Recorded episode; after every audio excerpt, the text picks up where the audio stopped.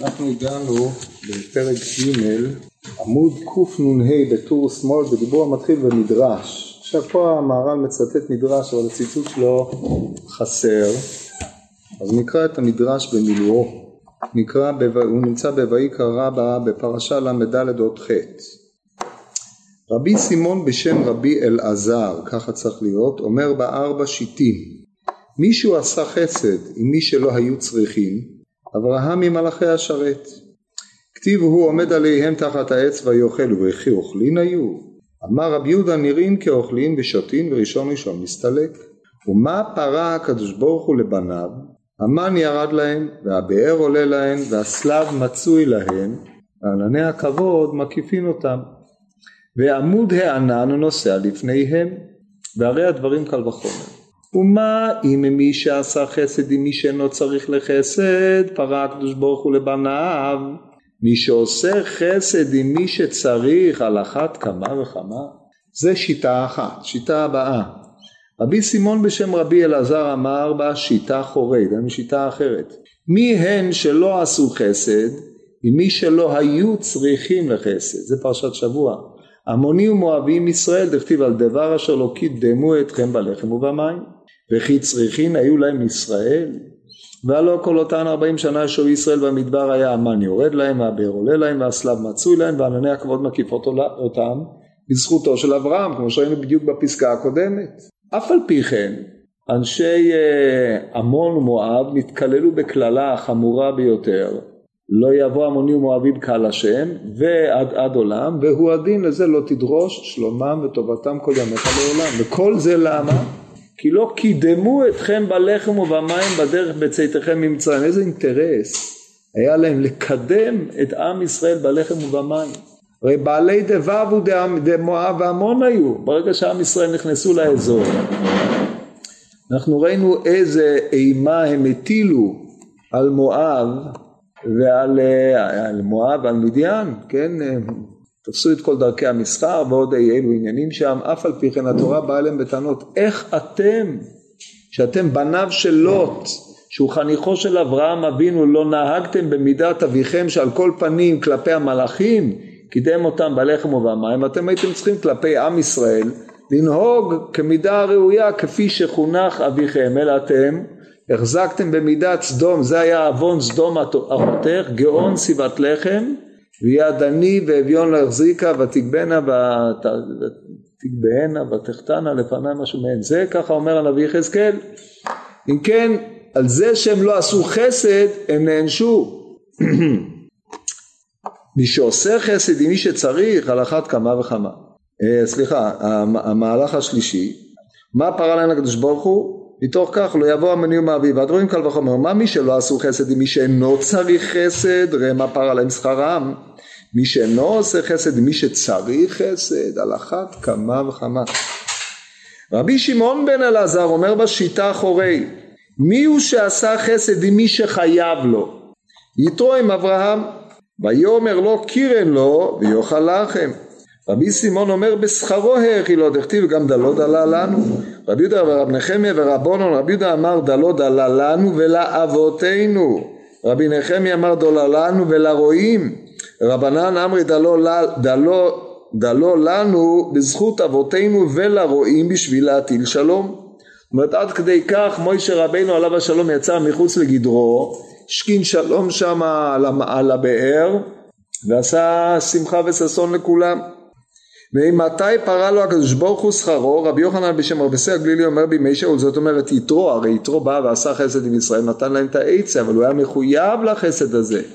אחרי מה שמשה עשה והציל את בנותיו.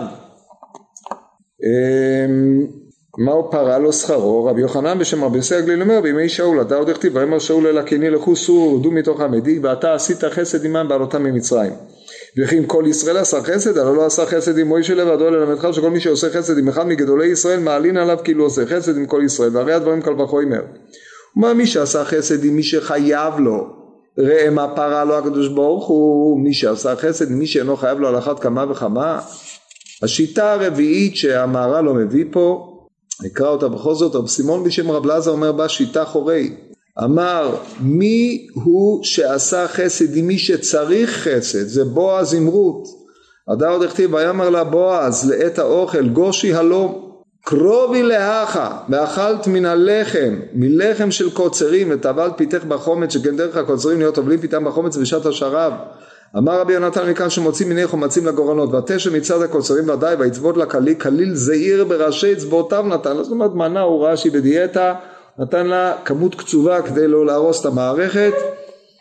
והכתיב ותאכל ותשבע ותותר אמר רבי יצחק כהנן שמינא מן התרתי או ברכה שורה בידו של אותו צדיק או ברכה שורה במאה של אותה צדקת.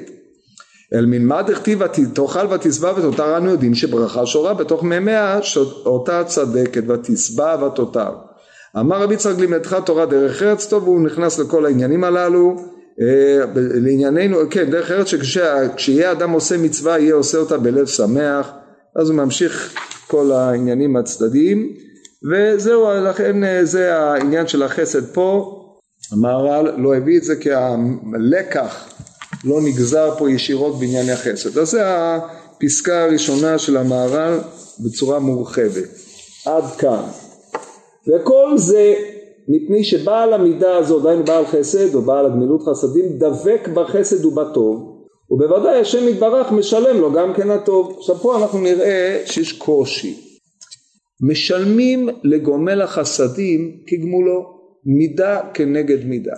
עכשיו כל אימת שאתה עושה דבר ואתה מקבל תשלום על הדבר מידה כנגד מידה, הדבר הזה הוא לא בדיוק חסד כי באיזשהו מקום אתה משלמים לך על מה שעשית. אם משלמים לך על מה שעשית אז אתה השקעת וקיבלת תמורה.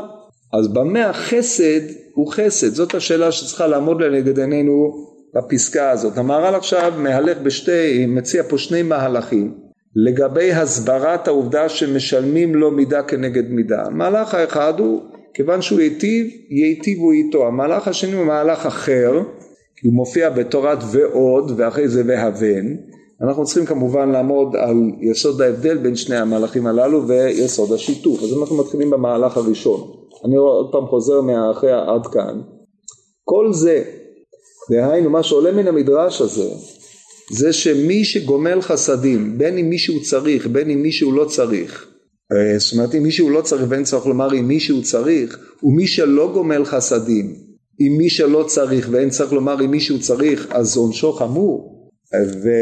אז צריך לתת פה את הדעת מדוע הגומל חסדים מעניקים לו כאין מידתו כמו שנאמר אצל אברהם אבינו יש הקבלה בין מה שהוא עשה למה שנעשה לבניו או אצל הדבר אשר לא קידמו אתכם אתם לא תקדימו להם שלא לא תדרוש שלומם וטובתם כל ימיך לעולם. ולא יבואו בקהל השם כי נפש רעה כזאת לא ראויה להצטרף לעם ישראל ביישנים גומרי חסדים ו... אז על זה אומר אה, ביותר מיוחד המידה הזאת שמקבל הטוב מן השם יתברך כאשר עושה הטוב לפי שהוא מידה כנגד מידה. בשביל כך אמרו כל מי שעושה חסד ימכר אותו חסד עצמו נפרע לו מן השם יתברך. ולכן אמרין הפרק הסוחר הפועלים מאמר אבי דמר רב כל מה שעשה אברהם למלאכי השרת בעצמו, עשה הקדוש ברוך הוא לבניו בעצמו. וכל מה שעשה אברהם על ידי שליח, עשה הקדוש ברוך הוא על ידי שליח, ואלא בקר רץ אברהם ורוח נשם את השם. ויקח חמא וחלב, הנני ממטיר לכם לחם מן השמיים, הנני. והוא עומד עליהם תחת העץ, אז המקבילה של זה, הנני עומד לפניך שם על הצור בחורב. ואברהם הולך עמם לשלחם, אז כתוב והשם הולך לפניהם יומם. אבל כאשר הוא עשה על ידי שליח יוקח נא, פירוש רש"י על אתר על ידי שליח יוקח נא מעט מים, או והכיתה, אז והכיתה בצור, דהיינו על ידי משה, והכיתה בצור ויצא ממנו מים ושתה ובמסכת מועד קטן, כן, אז פה אנחנו רואים, זה השלב הראשון, פה אנחנו רואים שמה שאברהם עשה בעצמו, הקדוש ברוך הוא גמל לבניו, כביכול בעצמו. מה שאברהם עשה על ידי שליח, הקדוש ברוך הוא גמל לבניו על ידי משה רבינו.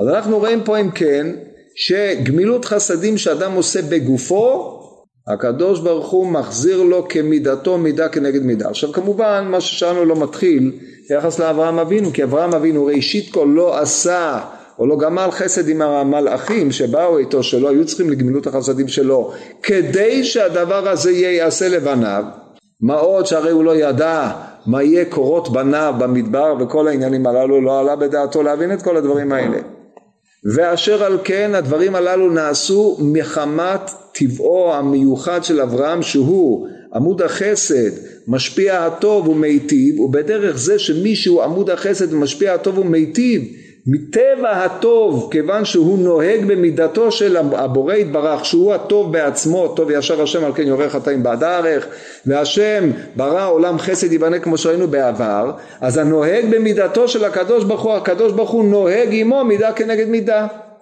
ודווקא במידת הטוב מפני שזאת מידתו של הקדוש ברוך הוא בעצמו ביחס להנהגת העולם. אם כן אדם הנוהג עם השם עם, עם ברואיו של השם יתברך במידתו השם נוהג עמו כפי מידתו. וזה רק במידת גמילות חסדים. אמנם אנחנו יודעים שכתוב בגמרא במסכת סוטה במידה שאדם נוהג נוהגים אדם שנוהג נוהגים איתו כמו שכתוב בסעשה בשלחה תריבנה במידה שאדם מודד מודדים לו. אבל ביחס לגמילות חסדים הדבר הזה חריג מפני שזאת מידתו היסודית של הקדוש ברוך הוא עם העולם ולכן מי שהולך בדרכו של השם יתברך והליכה בדרכו של השם יתברך פה מעמידה את האדם בתור אדם בתור פועל בעצמאותו כמו שראינו בפרק הראשון עם היסוד המדהים הזה של המהר"ל שרק במידת החסד אדם לא פועל מכוח חובה או מכוח ציווי אלא מכוח העצמיות שלו אז הרי הפעולה מכוח העצמיות שלו מביאה לזה שהקדוש ברוך הוא ינהג איתו כפי המידה הזאת שהוא נהג, או גם קשור כמידה שהוא נהג, אבל דווקא במידת הטוב, כי הטוב מיטיבים לו. זה היסוד הגדול שהמהר"ל מסביר פה. מביא הגמורת מסכת מועד קטן שלכאורה היא אה, איזושהי נסיגה ביחס למה שאמרנו קודם. מסכת מועד קטן תניא. היה רבי, כתוב פה רבי אליעזר, אבל אה, לפי מה שזכור לי זה לא רבי אליעזר, רגע אני חייב לבדוק את זה. בואו נראה.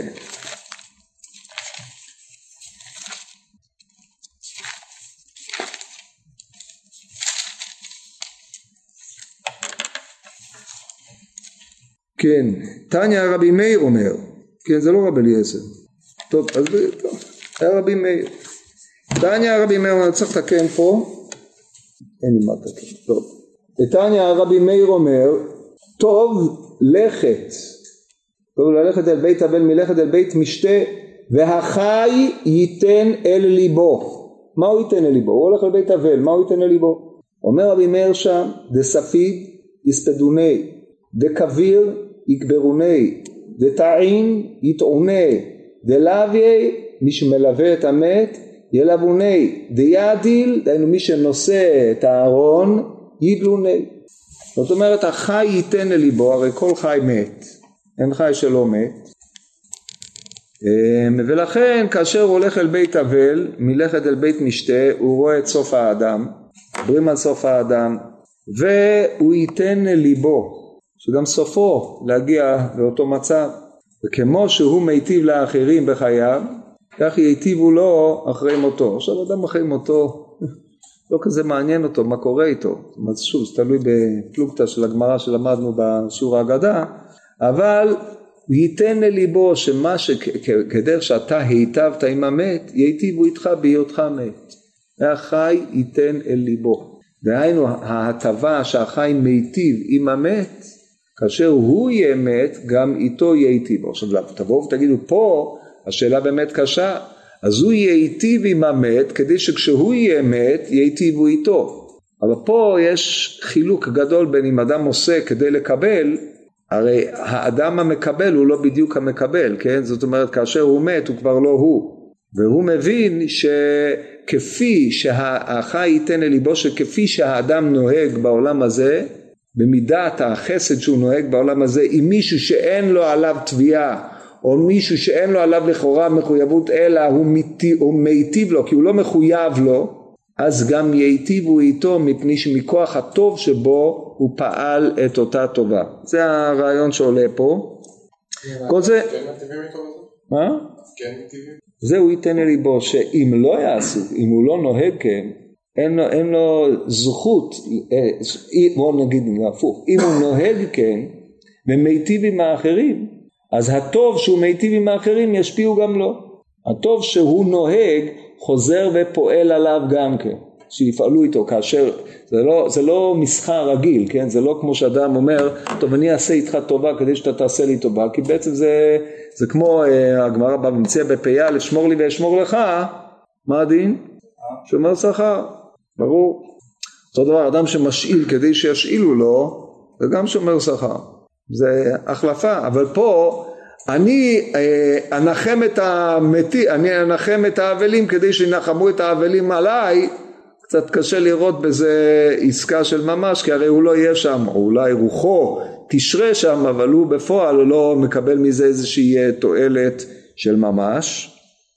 ויכול זה מפני כי עושה חסד ראוי לתשלום גמול לגמרי כאשר עושה חסד וטוב, שימו לב תשמול, תשלום גמול לגמרי, כל אדם שעושה מצווה קבל עליה שכר, ככה הובטח לנו בתורה, אמנם ראוי לו לאדם לא לעשות מצוות כדי לקבל שכר, כי זאת מדרגה נמוכה, אף על פי כן אי אפשר להגיע למדרגה גבוהה יותר מבלי זה, כמו שייסד ארי בלאזר בספר כוכבי אור, שהוא הספר אור ישראל של ארי סלנטר, שבא הארי בלאזר וקבע שם, ידוע הרי מה שכתוב ברמח"ל, שכל מי שעובד מקיים את המצוות כדי לקבל שכר, מצוות תעשה, נמנע מלעשות מצוות לא תעשה מפני יראת העונש, זו מדרגה נמוכה שאינה ראויה לנשים ולקטנים, ובא הארי בלאזר בספר הזה בהתחלה ממש בכוכבי האור, מרים על נס את הדבר הזה, מאוד מרתק לקרוא כיוון שכבר אה, דיברנו על ארי סלנטר בשיעור ההגדה, אז אה, מי שייתן אל ליבו את הדברים האלה, שילך לקרוא שם ברי בלאזר את הדברים הנמלצים.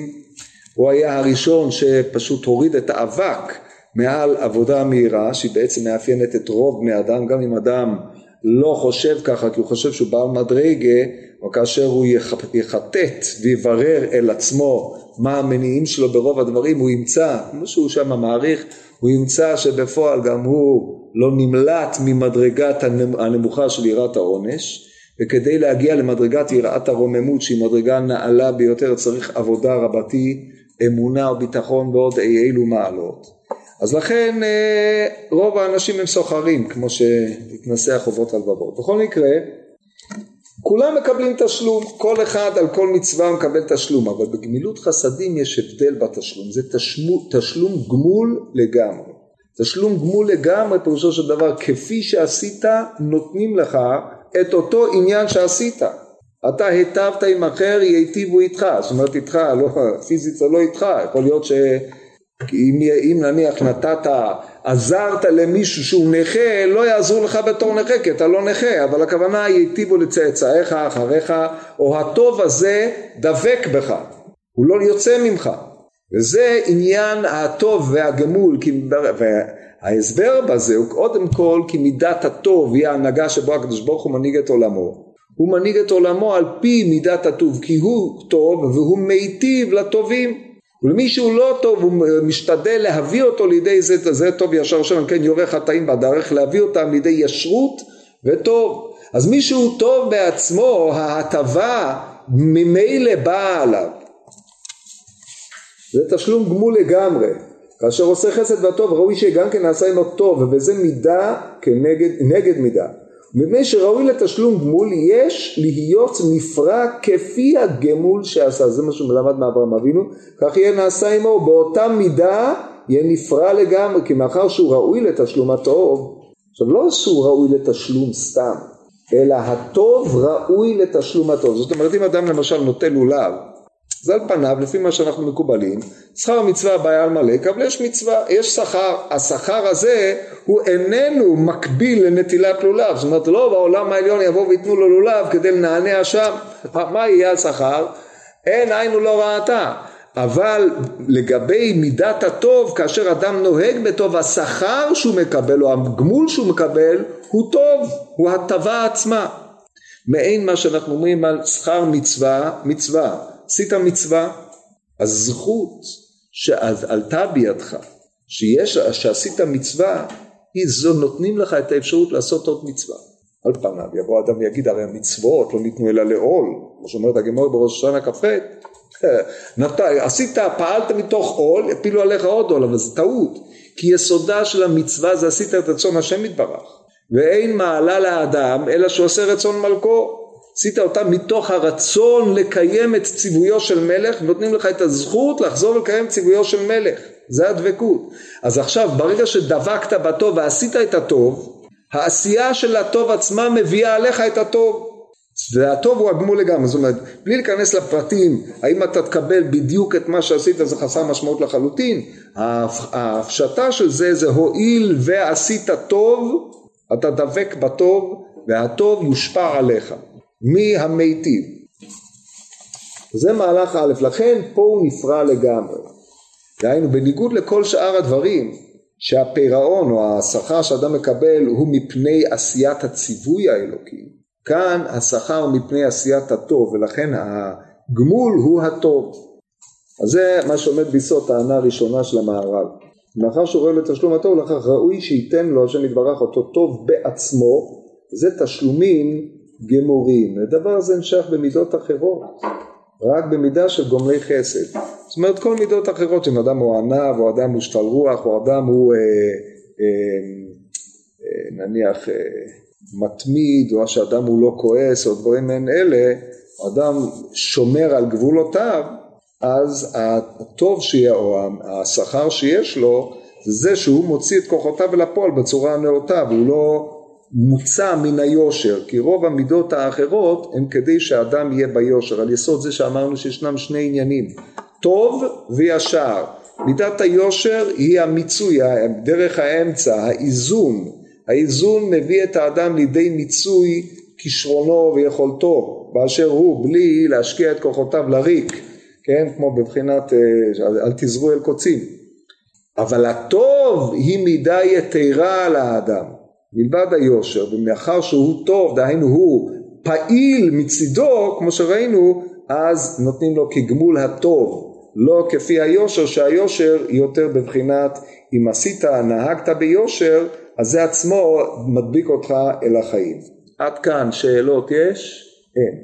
אנחנו עוברים עכשיו למהלך הבא. אומר המהר"ל, ועוד, כאשר עושה הטוב לאחר, השם יתברך משפיע לו גם כן הטוב והחסד. כי כמו כאשר יש נחל קטן ומחובר על הנהר הגדול, אשר אין לו סוף, כאשר יוצאים המים מן הנחל הקטן ומשפיעים מים לבור שסמוך לו, תכף ומיד יוצאים מים מן הנהר הגדול וחוזר ומשפיע על הנחל אשר מחובר לו המים שיצאו ממנו, באותו דרך שיצאו ממנו המים הם באים אליו, כך כאשר בעל גמילות חסדים אשר הוא דבק בטובו של השם יתברך, כאשר משפיע לאחר מטובו, אז השם יתברך אשר הוא טוב, משפיע לו הטוב בעצמו אשר הוא עושה. וכל עוד אשר המים יוצאים ומשפיעים לאחר, יושפע לו גם כן. וכפי אשר השפיע, ובאותו דרך אשר השפיע, משפיע לו גם כן, והבן הדברים האלו מאוד. ותבין כי ראוי בעל המידה הזאת לתשלום גמול יותר מהכל. עכשיו המשל הזה בא אמנם להעמיק את העניין הקודם, אבל הוא משתמש ברטוריקה אחרת לחלוטין. בעוד שהמונח המכונן בפסקה הקודמת היה גמול, תשלום גמול לגמרי, שימו לב למונחים תשלום, תשלום גמול לגמרי, מידה נגד מידה, כביכול הוא נוהג במידתו ונוהגים איתו במידה כפי שהוא נוהג, אם זה נגד מידה, או גומלים לו, נותנים לו תשלום שלא שייך בשאר המידות, אם כי תשלום גמול יהיה שייך פה, הרי שפה בפסקה הזאת המונח המרכזי הוא מונח ההשפעה, משפיעים לו. באשר הוא משפיע, משפיעים לו, והמשל של הנהר והנחל הוא משל שמעמיד אותנו בעמדה אחרת, זאת אומרת בעוד שעמדת מידה כנגד מידה אתה נהגת אנחנו ננהג איתך אז יש את הבורא המיטיב יש את האדם המיטיב וכמו שאתה היטבת עם אחר הבורא ייטיב איתך כביכול אתה נהגת גמילות חסדים עם אחר אשר על כן ראוי שהבורא ינהג בחסדו ובטובו איתך. הרי שפה התפיסה היא אחרת לחלוטין. הנהר לא מגיע אל הבור. יש בור, הבור ריק, אין בו מים, הוא צריך השפעה. הנהר לא מגיע אל הבור, כי הבור מרוחק, מן הנהר.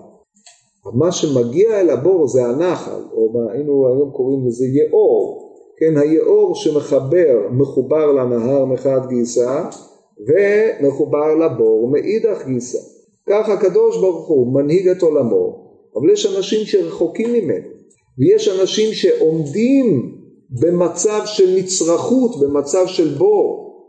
ברגע שהאדם נעשה מרכבה להמשיך את מי הנהר אל הבור, זה מה שקרוי מרכבה בבחינת אברהם אבינו שהיה מרכבת החסד בעולם. הקדוש ברוך הוא ברא את עולמו באופן שאנשים הם מתווכים בין ההנהגה שלו לבין הנצרכים.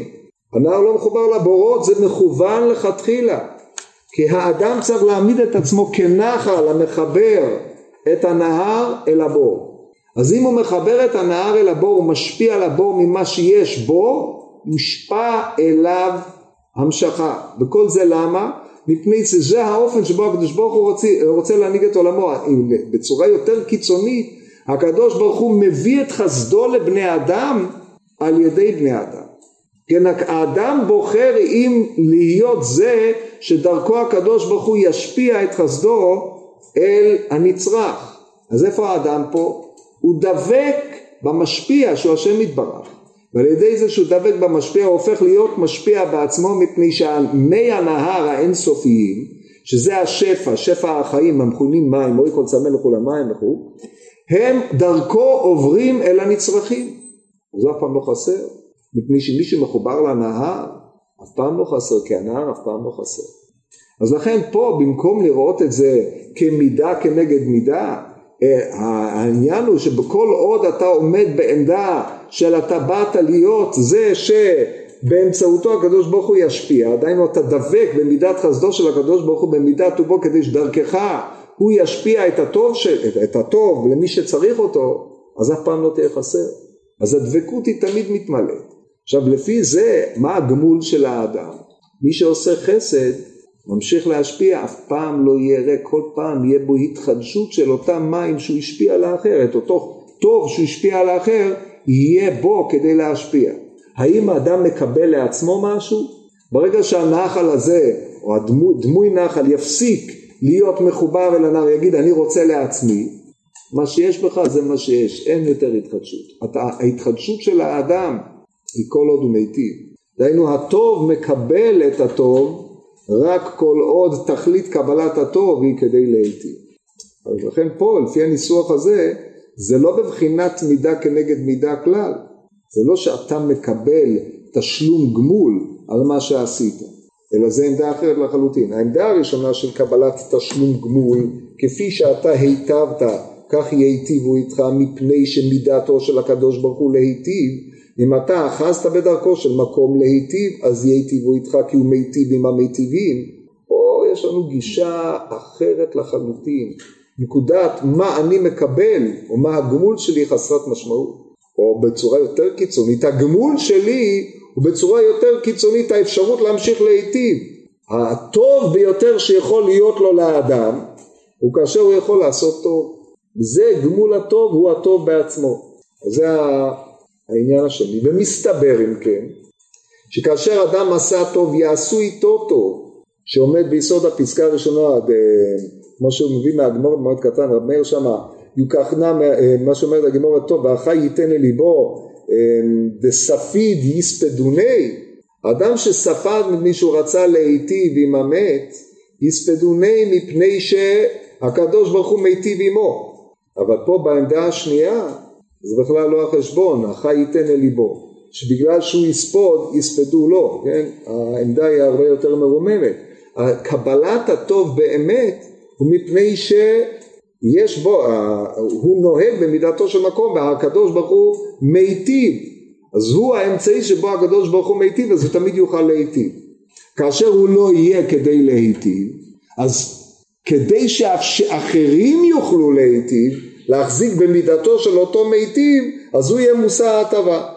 ובאופן הזה אנחנו מחברים את שני העניינים. כן, המשפט האחרון היה קצת מורכב, אני אחזור עליו בעברית. זאת אומרת, בשפה קצת יותר מובנת. הלא הוא כל עוד בחיים חייתו הוא היה אותו נהר אשר חיבר בין, אותו נחל שחיבר בין הנהר לבור. אבל כאשר הוא כבר לא, אז לכאורה מה מביא את המשכת ההטבה? ההטבה שהוא הביא לעולם מביא, מביאה אחרים להיטיב בעקבות ההטבה שלו. עכשיו במקרה שהוא יהיה זה שיהיה נצרך לו את ההטבה אז ההטבה של האחרים היא תהיה גם לו. אני רוצה שהוא מיטיב במותו, במותו על ידי זה שהוא מאפשר לאחרים להיטיב ובזה מביא את האחרים להיות עושה הטוב בעצמו, בזה אנחנו מחברים את שני הביאורים. עד כאן שאלות? אין. הלאה, אנחנו עוברים לפרק, כמה דבר ממציא, פרק ב' דבר ממציא פה, זה דרשה, דרשה מרתקת ביותר, מה הוא עושה פה. טוב, בפר, בפרק ב' דבר ממציאה, פרק הגויזל, תעני רבי יוסף, כתוב בפסוק בהודעתה להם את הדרך אשר ילכו בה ואת המעשה אשר יעשו. ואם אנחנו מסתכלים בתורה, אני אסביר לכם קצת את הפסוקים האלה,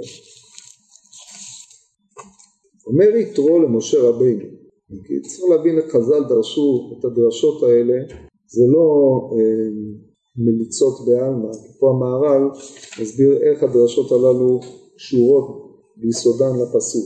אומרת התורה ואתה שמע בקולי עצמך ויהיה אלוהים עמך היה אתה לעם מול האלוהים והבאת אתה את הדברים אל האלוהים. והזהרת אתם את החוקים ואת התורות והודעת להם את הדרך ילכו בה ואת המעשר אשר יעשו. ואתה תחזה מכל העם אנשי חיל וכששואלים אדם מהי עצת יתרו אז בדרך כלל אה, מקובל לענות אני לא אבחן את זה עליכם כי למה שיהיה שונה ממה שבחנתי על אחרים זה עיקר עצת יתרו ואתה תחזה מן העם, דהיינו העמדת שופטים, שרי אלפים, שרי מאות, שרי חמישים, שרי עשרות. אבל זה הצד השולי, הצד העיקרי, שני הפסוקים הראשונים. שמע בקולי יעצך ויהיה אלוהים עמך. היה אתה לעם מול האלוהים והבאת אתה את הדברים אל האלוהים. איזה דברים אתה צריך להביא אל האלוהים? הרי עד עכשיו תפקידו של מוישה רבינו היה והודעתה להם, אומר משה רבינו מה הוא עושה? יבוא אליי העם לדרוש אלוהים, אז הוא בעצם מביא את דברי האלוהים אל העם, עומד מהבוקר עליי עד הערב, נבוא תיבול וכולי וכולי. בא איתו ואומר, לא, אנחנו הופכים את הכיוון. אתה מביא את דברי העם אל האלוהים. מהי היידה כמה? חידוש עצום. א', וממשיך יתרו ומפרש את דברו. הזהרת אתם את החוקים ואת התורות והודעת להם את הדרך ילכו בה ואת המעשה אשר יעשו. זאת אומרת, מלבד זה שאתה מביא את דבר האל אל העם, אתה הופך להיות גם נציג העם אל השם יתברך. כל התלונות, כל הבעיות, אתה מביא את דבריהם אל האלוהים. משה הוא לא חד כיווני, ופה מוגדרת תפקידה של, מוגדר תפקידו של הנביא, מכאן ואילך הנביא משמש את שני הצדדים, ולכן עמדתו קשה ביותר. מצד אחד מייצג את השם יתברך כלפי העם, מצד שני הוא מייצג את העם כלפי השם יתברך. והיכולת של משה רבינו כמו שכתוב, עמד בפרץ להשיב חמתו מהשחית, זה מכוח העצה פה. אתה אייל, איך אומר פה, הבאת את הדברים אל האלוהים. ברגע שאתה הופך להיות נציג של העם, אתה מבין את הקשיים שיש להם. הרבה יותר קל להיות בעמדה הזו שאתה איש, איש הרוח הנעלה שומע את דבר האל ומטיל אותו אל העם מתוך תקווה שאותם אנשים עבדים או אותם אנשים שמדשדשים במי אפסיים יתרוממו לרמה שאתה נמצא בה. אבל עד שאתה לא מכיר את העם מתוכו הדברים שאתה מטיל עליהם הם מנותקים מהם. כמו אדם שמדבר במגדל השם כמו שהביקורת הגדולה הביקורת, בוא נגיד שבפילוסופים, אחד הביקורות שהיו לרש בן תיבון על הרמב"ם, זה שהרמב"ם טוען שתפקידו של אה, איש הרוח הוא לרדת אל העם, להנהיג אותם, והוא החזיק בעמדתו, עמדות שיותר קרובות לאבן בג' או אבו בכר אל הצייג לגבי תולדות הפילוסופיה, שהוא אמר שאנשי הרוח עם המעלות העליונות לא צריכים להתערב עם ההמון הנבער מדעת אמ, עם עוד אי אילו תארים מלחכי איך אומרים כאן? קמעות וכל מיני כן, מי שאמר את זה עליהם הוא ברמה יותר נבערת מה, העם המסורתי, אבל בלי להיכנס לפרטים. בקיצור, הפילוסוף צריך להיות דבק בשכלו באל יתברך. כל היותר כאשר הוא פונה אל העם, הוא צריך שפניו שייחשפו אל העם יראו מה זה איש המעלה, ושאולי תהיה להם לאותם אנשים המדשדשים בהבל היומי, אולי יהיה להם איזה נקודה להתעלות. אומר הרמב"ם בשום פנים ואופן לא, זה מבחינת העולה ויורד של הסולם. אומר, אומר יתרו, אתה צריך להכיר את העם מבפנים כדי שכשתביא, כשתזהיר אותם, תודיע להם, תכיר את העם כדי להביא אותם לידי זה שהם יהיו מסוגלים להבין את הדבר הזה. זה רק מי שחי את העם מבפנים יכול לעשות את זה. כן, הייתי מביא לכם משלים מתורת האנתרופולוגיה, התפתחותה, אבל לא ניכנס לזה חבל על הזמן. זה אותו רעיון. רק באופן שאתה מכיר את הדברים מבפנים, אתה יכול לבוא ולתקן. אז עכשיו בא משה רבינו עליו השלום ואומר והודעת להם את הדרך, אומר יתרו, הודעת להם את הדרך ילכו בה ואת המעשה אשר יעשו. מה זאת אומרת הודעת להם את הדרך אחרי שהזהרת להם את החוקים ואת התורות? זה לא מספיק. אתה צריך להראות להם איך אזהרת החוקים והתורות היא תהיה בת יישום אם תודיע להם את הדרך ילכו בה ואת המעשה אשר יעשו מה שיכשיר אותם כדי שאזהרת החוקים והתורות תהיה בת חלות עד כאן המבוא. עכשיו נראה את הגמורת אומרת הגמורת על רבי יוסף והודעת להם זה בית חייהם. מהי בית חייהם? נראה עוד מעט. את הדרך זה גמילות חסדים אשר ילכו זה ביקור. חולים קבורה. ואת המעשה זה הדין אשר יעשון זה לפנים משורת הדין. איך הדברים הללו נדרשו מהפסוק אומרת הגמור אמר מר אשר ילכו זה ביקור חולים. היינו גמילות חסדים. אמר קודם לכן והודעת להם את הדרך זה גמילות חסדים. ביקור חולים וקבורת מתים לכאורה הם פרטים בגמילות חסדים. למה חלק להם לשון לעצמה או מילים לעצמם אומרת הגמור לא נצטרך לבן גילון. אמר מר בן גילון נותן אחד משישים מחוליו אפילו האחי מביילה למייזל גבי, נקודה. הבאה זו קבורה. שואלת הגמורה, היינו גמילות חסדים, תרץ הגמורה לא נצטרך אלא לזקן ואינה לפי כבודו. אשר יעשון, זו לפנים משורת הדין, אמר רבי יוחנן חברי ירושלים אלא שדנו בה דין תורה. שואלת הגמורה, דין תורה אלא דיין מגיזתא לדיין, איזה, איזה דין אתה רוצה שידונו? ערכאות? אומרת הגמור אלא אימה שהעמידו דיניהם על דין תורה ולא עשו לפנים משורת הדין. אז עד כאן לשון הגמור. טוב נקרא את הפסקה הזאת עד הסוף ובזה נסיים, פעם הבאה נתחיל בדקדוקים של המערב. ובפרק אלו מציאות פרש רש"י זה תלמוד תורה, מה זה בית חייהם? זה תלמוד תרם. שואל בקשה מה עניין אומנות, סליחה פרש רש"י בית חייהם אומנות. הם צריכים לפרנוס, הם צריכים לדעת לעבוד. כן, ראה חיים עם האישה אשר אהבת זה אומנות. ובפרק אלו מציאות רש"י פירש זה תלמוד תורה וכאשר מה עניין אומנות והודעתה זה לא נזכר בו כלל ולפיכך לפירוש של פרק הגויזל ניחא דלשון ידיעה שייך בתורה. מהי ידיעה שייך באומנות? הוא לא שם פתח בית ספר לאומנות. אמ, שייך בתורה. בכל מקום בהודעתם לבניך ולבני בניך קשה וזה כתיב אקרא אחין הרי כתוב לפני זה והזהרת אתם את החוקים ואת המשפטים את התורות כן זה יותר טוב אבל נראה כי הידיעה היא החיים והודעתה להם זה בית חייהם אומר המהר"ל מהי הידיעה? היא החיים. דהיינו תודה להם שיש תכלית לקיומם של המצוות. זה החיים דכתיב המתים אינם יודעים מאומה. רצה לומר שיודיע להם בית חייהם רואי לו מבר שהוא בית חייהם כן הולך אדם אל בית עולמו יסביר להם את עניינם של המצוות שהם בשביל שהאדם יזכה לחיי העולם הבא שנשמור חגר בעולם הזה ונזכה ונחיה ונראה ונראה שטובה ואוכל לשמור את המשיח ולחיי העולם הבא שבית חייהם יהיו נמשכים אחר זה שיגיעו לבית חייהם מהצלחתם האחרונה. מכאן ואילך יש ונראה בעזרת השם בפעם הבאה